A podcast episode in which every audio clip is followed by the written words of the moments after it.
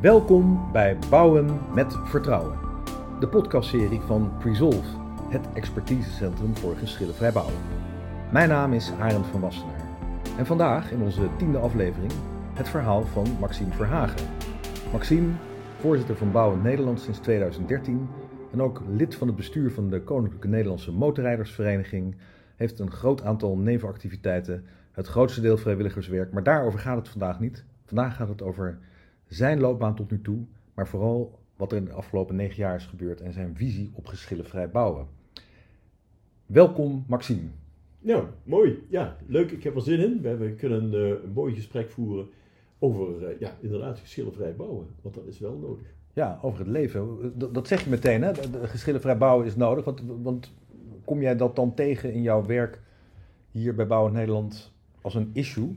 Ja, zeker. Ja, eigenlijk uh, toch vrij snel nadat ik hier begonnen ben, uh, ja, toen speelde toch wel een hele, hele grote discussies. Uh, we hadden niet alleen te maken met, met een economische crisis, mm -hmm. maar er waren toch ook nog wel een aantal projecten waar in plaats van dat bouwer en opdrachtgever trots waren op wat ze presenteerden of wat, wat ze afleverden, bijna dreigde failliet te gaan.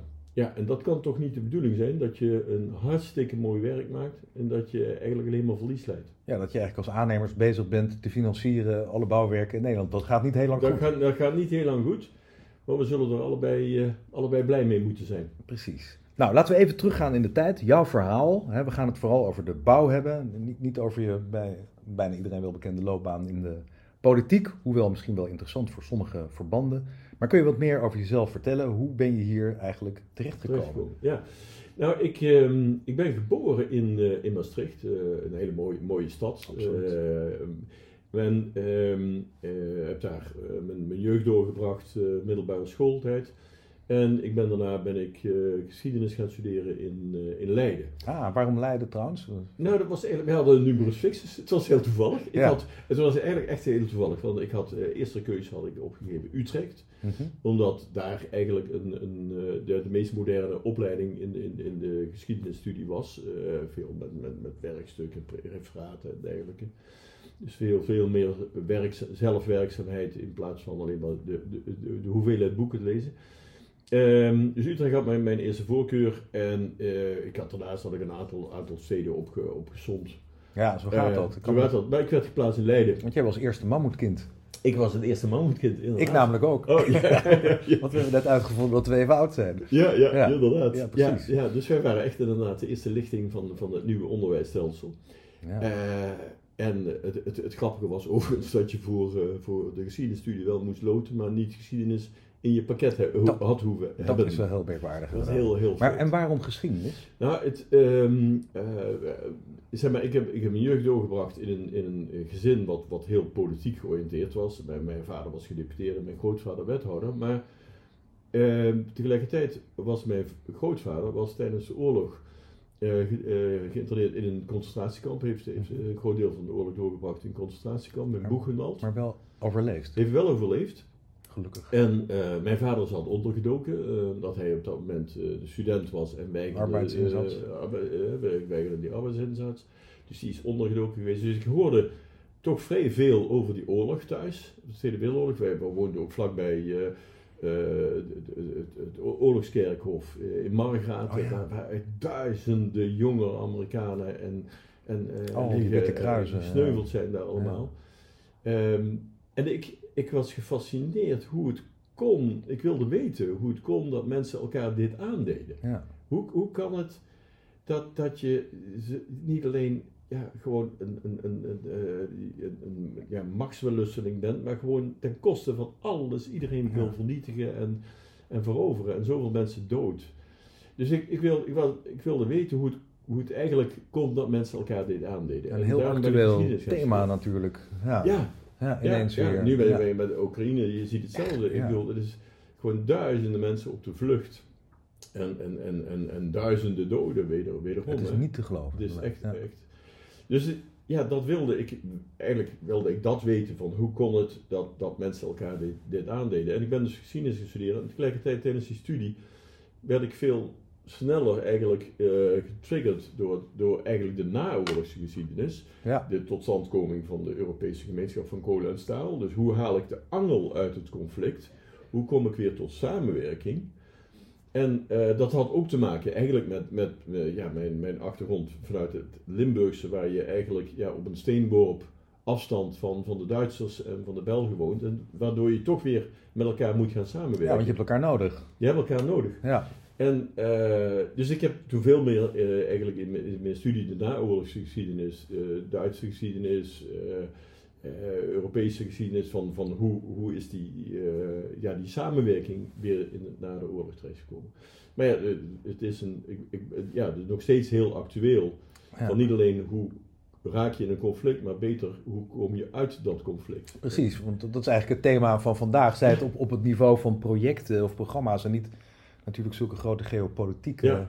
Want kolen en staal is eigenlijk geopolitiek natuurlijk. Kolen en staal is, uh, is geopolitiek, maar het was natuurlijk een enorm slimme zet. Ja. Van, in plaats van dat je, dat je een, een conflictstof had, uh, maakte je eigenlijk een wederzijds belang Ja, uh, van hoe. Ja, en dat, dat, dat is natuurlijk het thema van vandaag. dat is een, een, een, een makkelijk bruggetje. Laten we een brug bouwen naar inderdaad dat thema. Want, Ja, want we hadden in het voorgesprek het al een beetje over. En, toen, en toen zei jij, ehm, dat heb ik ook geleerd als onderhandelende. ja. Ja, want ik, eh, moet, ik moet zeggen, ik was tijdens mijn studie ook al heel snel in de politiek zelf eh, verzeild geraakt door in de gemeenteraad te komen. En als, ja, als student nog werd ik eigenlijk voor de leeuwen gegooid door meteen fractievoorzitter te worden. Eh, en moest meteen de onderhandelingen doen over een nieuw college eh, in, in die gemeenteraad. Ja, jaren zeventig hebben we het nu dus over. Ja, ja, eh, ja. en ehm na de rand natuurlijk meerdere malen onderhandelingen gedaan. En de meeste mensen denken bij onderhandelen van ik moet zorgen dat ik mijn eigen, eigen belangen veiligstel. Maar dan, dan mislukt een onderhandeling. Je moet altijd rekening houden met wat wil de ander? Wat is het belang van de ander om eigenlijk mij mijn zin te geven? Dus je Ja. moet veel meer je verdiepen in eh, niet alleen wat ons bindt, maar juist wat is jouw belang? Ehm, en en, en hoe, hoe kunnen we dat samen gaan realiseren? Ja. En dan kun je ook je eigen belangen eh, veiligstellen. Precies. En dan kun je kijken, de, de, de tegenstrijdigheid er in ieder geval analyseren. Precies? En kijken Ja. of daar een oplossing voor mogelijk Exact. is die niet bijt. Althans, Ja. niet meer bijt dan. Ja, Of het niet slechter bijt dan het voordeel dat je geniet door te gaan samenwerken, om het zo maar te zeggen. Ja. Want als je ook niet weet wat potentiële conflicten zijn, eh, dan kun je ze ook niet oplossen en dan escaleert het vaak veel te snel. Eh, ja, en dan, dan krijg je een breuk. Ja. Ja. Ja. Dat heb ik ook trouwens in de politiek meer meegemaakt. ja, dat we wel aan de kranten kunnen lezen destijds. Zo is dat. Zo is dat. Nou, en, en we hebben het over geschillenvrij bouwen. En, en dat is eigenlijk een soort metafoor, dus kennelijk voor. voor eh, hè, want, want partijen die ogenschijnlijk een verschillend belang hebben. De ene heeft maar een beper- beperkt hoeveelheid geld en de andere heeft geld nodig om, om iets te bouwen. Die moeten toch samen iets gaan realiseren met alle andere partijen. En ergens ligt er een gemeenschappelijk belang. Ja, maar we zijn natuurlijk toch gewoon in, de- in, het, in het verleden, eh, hebben we toch te vaak meegemaakt.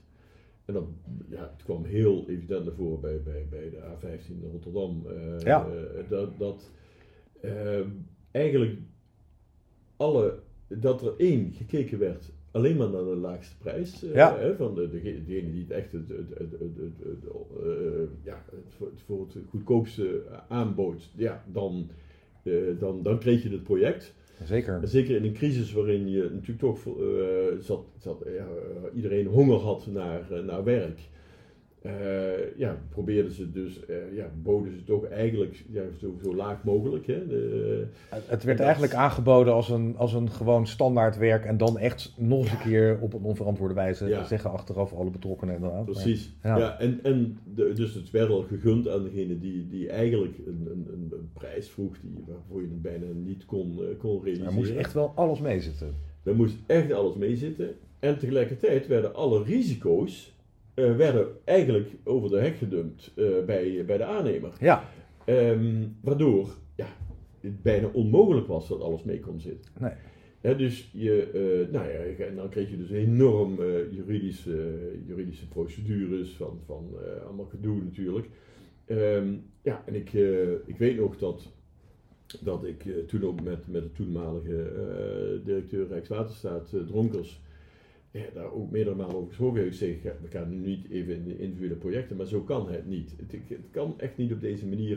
Het kan niet zo zijn dat, dat je failliet gaat omdat je werk krijgt. Ja. In plaats van andersom, dat je failliet gaat omdat je geen werk hebt. Hè? Wat, Nee. wat de normale, normale werkzaamheden zijn. Dus het was, het was echt te ver doorgeschoten. Kijk, op het moment dat ik bijvoorbeeld heb een situatie, zoals dat toen met die A15 was, dat, dat er een tracé werd afgesproken. Hè? Dat, dat, dat, dat, dat werd door Rijkswaterstaat werd er gezegd. En dat er daarna geen vergunning gegeven werd door de gemeente. Nee. Eh, omdat er eh, bijvoorbeeld een schakelkast van, van ProRail ergens stond wat, eh, wat ze niet wilden. Ja, of dat, dat men een- überhaupt niet wilde dat het daar kwam te liggen.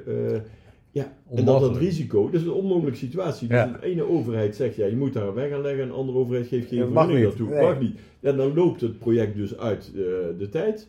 Ben je te laat, krijg je een boete. Ja. In plaats van dat je Medewerking krijgt. medewerking krijgt Ja. hoe het opgelost moet worden. Nee, ik geloof dat alle geleerden het er wel over eens zijn dat dat project een schoolvoorbeeld is van hoe het niet had gemoeten. Ja.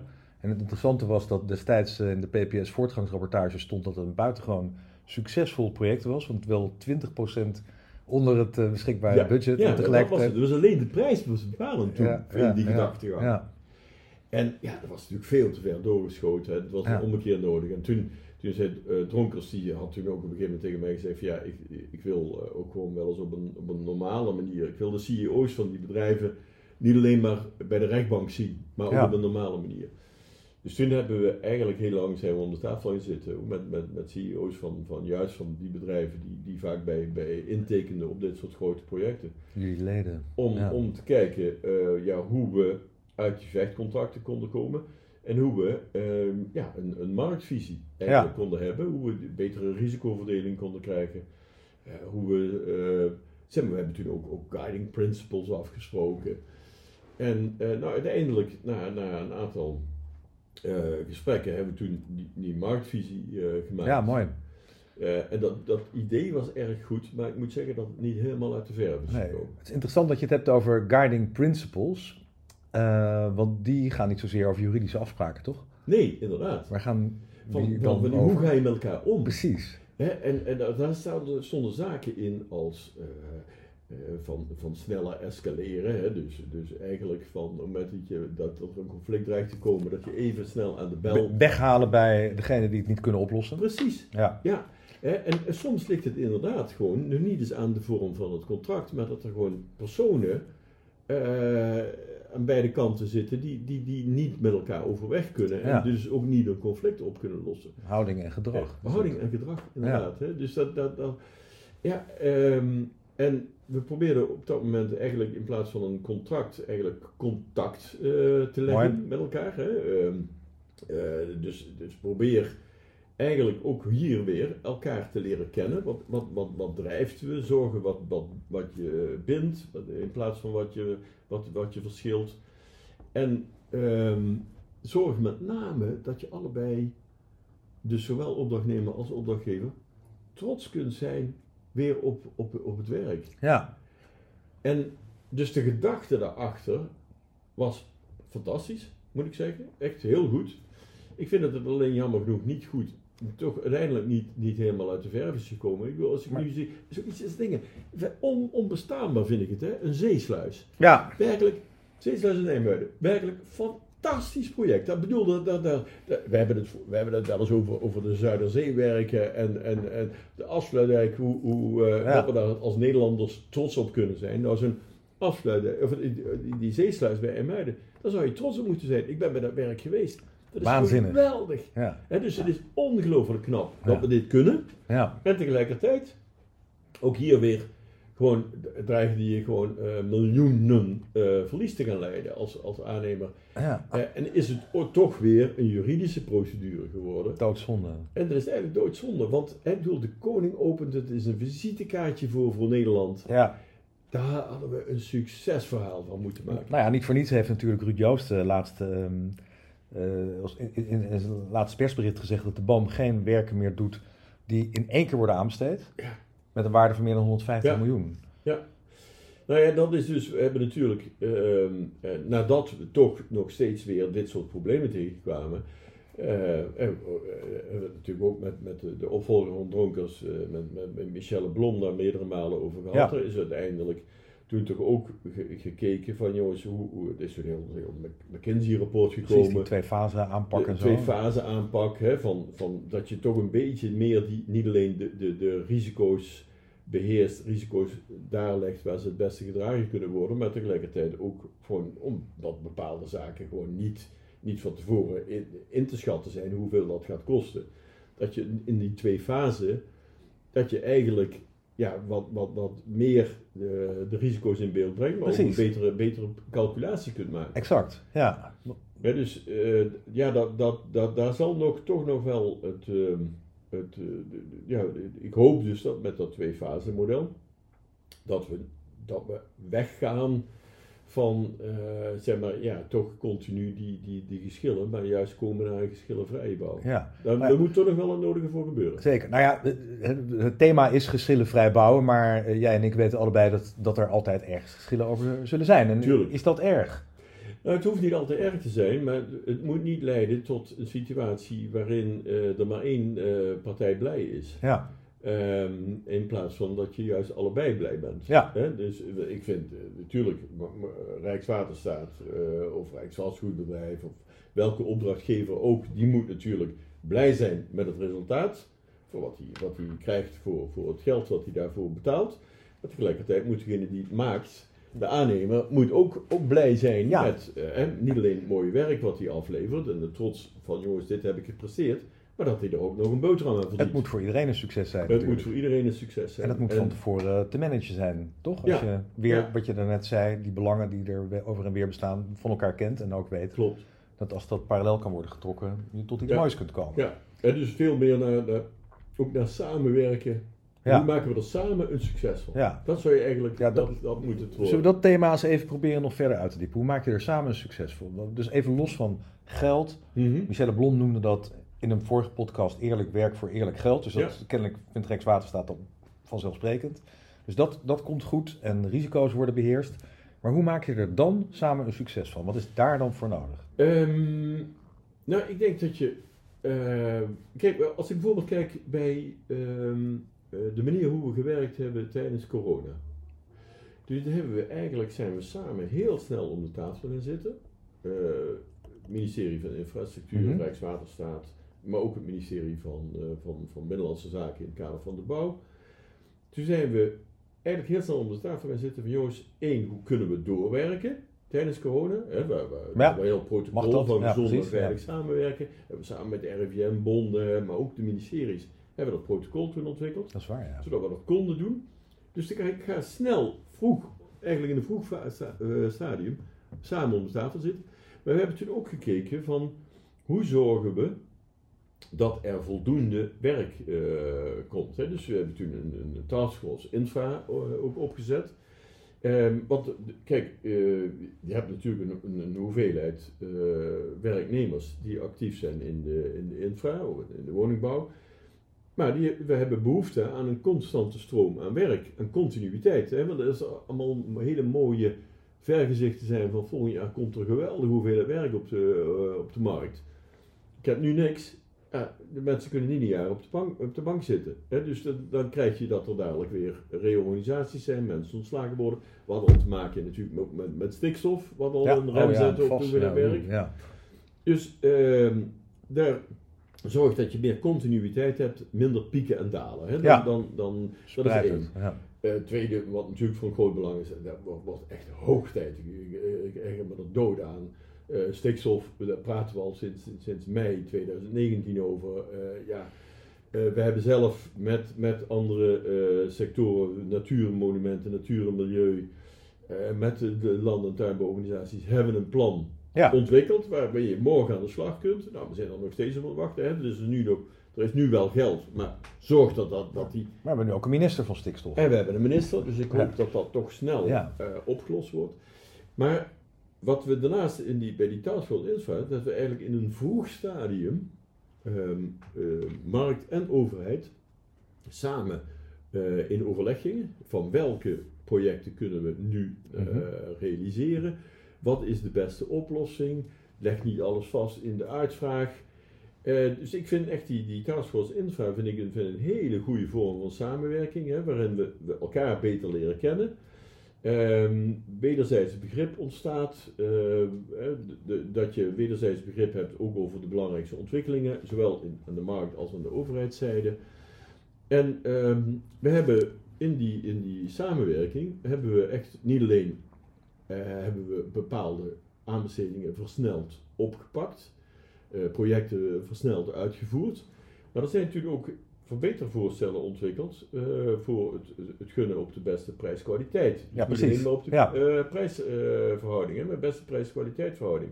Zorg dat je eh, kijkt ook, ook hoe je innovatie kunt, het beste kunt realiseren. Ja, Kortom, dus- hoe hard leuk eigenlijk. hoe Hè, leuk? Uitdagend. Ja, inderdaad. stel je een doel ja, waar mensen naartoe kunnen werken. Ja. ja. Dus die, die, die ehm, eh, zowel de, impro-planning als eh, de, de, de- hoe komen we al die, die maatschappelijke vraagstukken, maatschappelijke opgaven, hoe kunnen we die het beste gezamenlijk re- eh, realiseren, dat is daar eigenlijk allemaal naar, naar voren gekomen. Dus ik, ik heb goede hoop dat, ehm eh, de, want de taskforce is ook betrokken bij verschillende twee-fase-experimenten, ehm, eh, nieuwe visie op onderhoudscontracten, dat, dat we die samenwerking die we in, tijdens corona eigenlijk middels die taskforce infra hebben opgezet, dat we die eigenlijk nu kunnen, kunnen uitwerken. Ehm, loopt nog niet zoals het zou moeten lopen. Ook dat, hè? Want het, het, kijk, als je bijvoorbeeld sommige risico's kun je niet overzien. Nee, Ehm, risico's op de ondergrond. Hè? Ja, eh, en we, hebben, we hebben het ook meegemaakt dat, dat, dat je uitgaat van, van de informatie die je van de overheid krijgt en dat blijkt in de praktijk heel anders te zijn. Ja. Hè? Nou ja, hoe ga je daarmee om? Ehm, eh, je, ehm, je, je ziet hier toch ook in die, in die discussie over hoe gaan we die twee fase contracten opzetten, hoe gaan we die risicoverdeling doen, je ziet dat nog toch, toch dat, het niet, dat dat niet altijd heel smooth verloopt. Hè? Nee. Wie heeft het voor het zeggen? En eh, bijvoorbeeld de jurist. eh, aan de, eh, de- ja, maar ja nee, zeker. juristen, Ja, ja, ja. ik- eh, Ik bedoel, als je, als je Je er juridificeert, ja. dan, dan weet je ook weer dat je elkaar bij de rechter tegenkomt. Ik in weet plaats het. van dat je. Dan worden de verschillen uitvergroot in plaats van dat je naar het gemeenschappelijke gaat. En dus wat ik zou hopen, ehm, als eh, Michelle Blom eh, mij aanspreekt op wa- wat de markt moet leveren, dan vraagt dat van mij leiderschap. Ehm, het vraagt ook van haar leiderschap om Ja. op een gegeven moment de knoop door te hakken, zodat de intenties die we hebben uitgesproken, niet alleen bij de marktvisie, maar ook bij het McKinsey-rapport, bij de, bij de gedachte achter die twee fase aanpak, dat, dat, dat je dan ook leiderschap ehm, eh, toont als, als eh, directeur-generaal Rijkswaterstaat. Rijkswaterstaat. Om te zeggen, nou juristen, jullie gaan maar eventjes eh, in de hoek spelen. We gaan het zo doen. Ja, maar dat zou eigenlijk toch heel simpel moeten zijn. Hè? Want, je, want je ge- geeft het voorbeeld van het risico van die ondergrond. Uiteindelijk wil jij als opdrachtgever best wel betalen wat het kost. Maar, je wil, ook, ja, maar je wil ook heel graag van tevoren weten wat je kunt verwachten. Want stel je voor dat je achteraf blijkt dat het extreem veel meer kost dan jij verwachtte toen je besloot dat project te gaan opdragen, dan heb je een probleem. Ja. Dus om de perfecte hedge te vinden tussen wat het kost, wat het moet, mag kosten en jouw verwachtingspatroon, daarvoor is inderdaad meer onderzoek nodig en meer. Het is, eh, kijk, als als je, als je ja. geharnaast de wedstrijd ingaat, dan weet je zeker dat het geen samenwerking is, Zeker. maar een gevecht. Ja, En we willen geen gevecht, we willen samenwerking hebben. Dus eh, als we willen bouwen met vertrouwen, eh, dat, vraagt, dat vraagt eigenlijk, eh, eigenlijk leiderschap. En ja, laten we wel wezen, hè, want er wordt vaak nog wel eens gezegd van, van ja, maar we moeten, eh, uiteraard, het gaat om belastinggeld, dus we moeten, we moeten daar zuinig op zijn. sober en doelmatig. Ja, sober en doelmatig, ja, inderdaad. Maar als het gaat over het behoud van werkgelegenheid in Nederland, dan is het ook van belang dat je hier ook nog infrabedrijven overhoudt. Absoluut. En als wij dadelijk een situatie hebben dat we weliswaar voor een dubbeltje op de eerste rang gezeten hebben voor wat betreft de aanleg, maar dat geen enkel Nederlands bedrijf het meer kan Nee. of wil doen, dan, eh, dan hebben we daar ook niks aan. Nee, helemaal eens.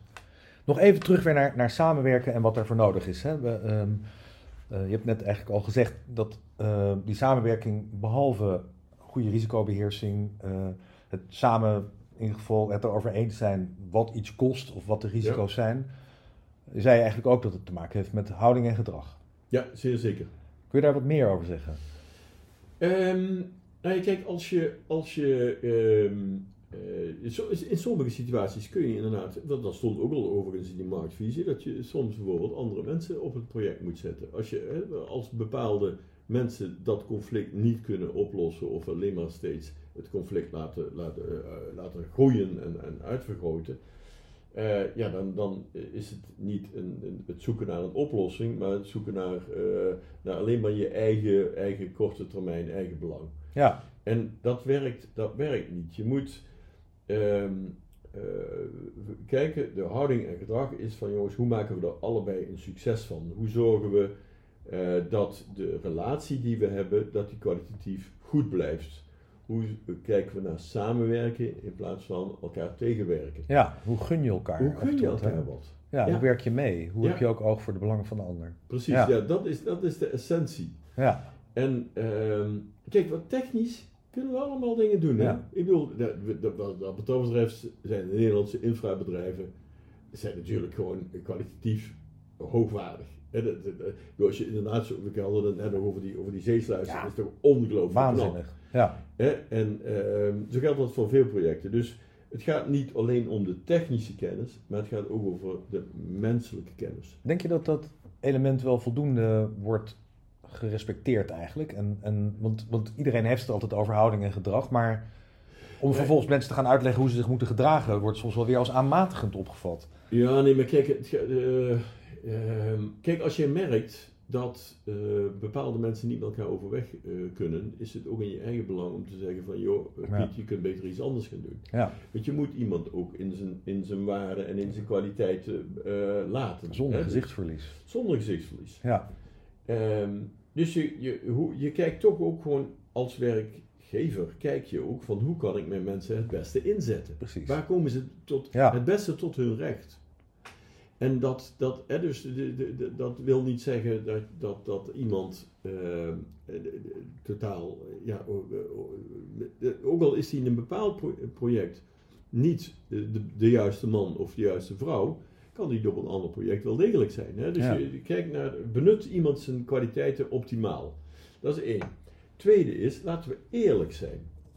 Je ziet vaak in. ehm, ik, bedoel, ik, heb, ik heb ook vaak. Ik heb natuurlijk heel lang ook aan de andere kant gezeten, aan de overheidskant. Zeker. Ehm, je ziet vaak dat, dat, eh, het, eh, een, een, dat een minister het moeilijk vindt om naar de Kamer te gaan om te zeggen van ja, ik had gezegd dat dit voor, voor 100 eh, kon, maar het wordt 120. Hè? Want dan, dan moet je weer eigenlijk eh, gaan uitleggen dat, dat je het niet ge- eh, gelukt is om het te realiseren.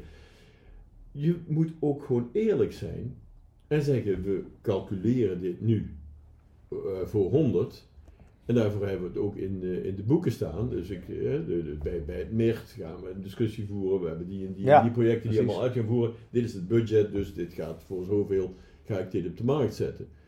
Maar je moet dan ook eerlijk zijn. Het kan zijn dat het meer kost, omdat er onvoorziene tegenvallers zijn. Ja. Omdat de ondergrond toch anders is dan we gedacht hadden. Omdat, eh, pff, you name it. Ja, allerlei stakeholders nu, zijn die. zoals we nu zien. Doe maar Oorlog. door de Oekraïne. Ja, Als je ziet, de materiaalprijzen, eh, die, die, die gaan sky high, die, die gaan door het dak. we weten Ja, kun je toch- ja, precies. Je ja. kunt toch niet zeggen, ja sorry, u heeft toegezegd, eh, eh, ik doe het voor, voor 100, ja, en dat het jou op dit moment 200 kost, is jouw probleem, niet het mijne. Offertes kunnen zijn één dag geldig. Dat is eigenlijk wat Ja. is, denk ik. Ja? Ja, Ik hoorde zelfs van een bedrijf die aanbiedingen krijgen van een toeleverancier. Die moeten binnen een uur ja, zeggen. Dus de, is de offerte is maar een uur geldig. dat is echt. Ja. Ja, en dat- en dat- begrijpelijk wel, natuurlijk. En het is allemaal begrijpelijk, maar dan moet je ook hier kijken. We hebben toen nog tijd, hebben we, we, bij, tijdens corona hebben we ook een handelingskader gemaakt. Ja, Hoe om te gaan met onvoorziene tegenvallers. Bijvoorbeeld eh, eh, moment uitvallende er- werknemers, uitvallende werknemers eh, als overheidsmaatregelen. Precies, hè, waardoor je toch een vertraging krijgt dat je dan niet meteen die boeteclausule hebt. Ook hier zou je een handelingskader, de- de- we zijn op dit moment daar ook, ook, ook in overleg met, de- met de ministeries, om te komen tot een handelingskader hoe om te gaan met de risico's van, eh, van de Oekraïne weer. Ja, we kun- we- want het is heel erg kortzichtig als je zegt, jongens, dat is jullie pakje aan. dat kan helemaal niet.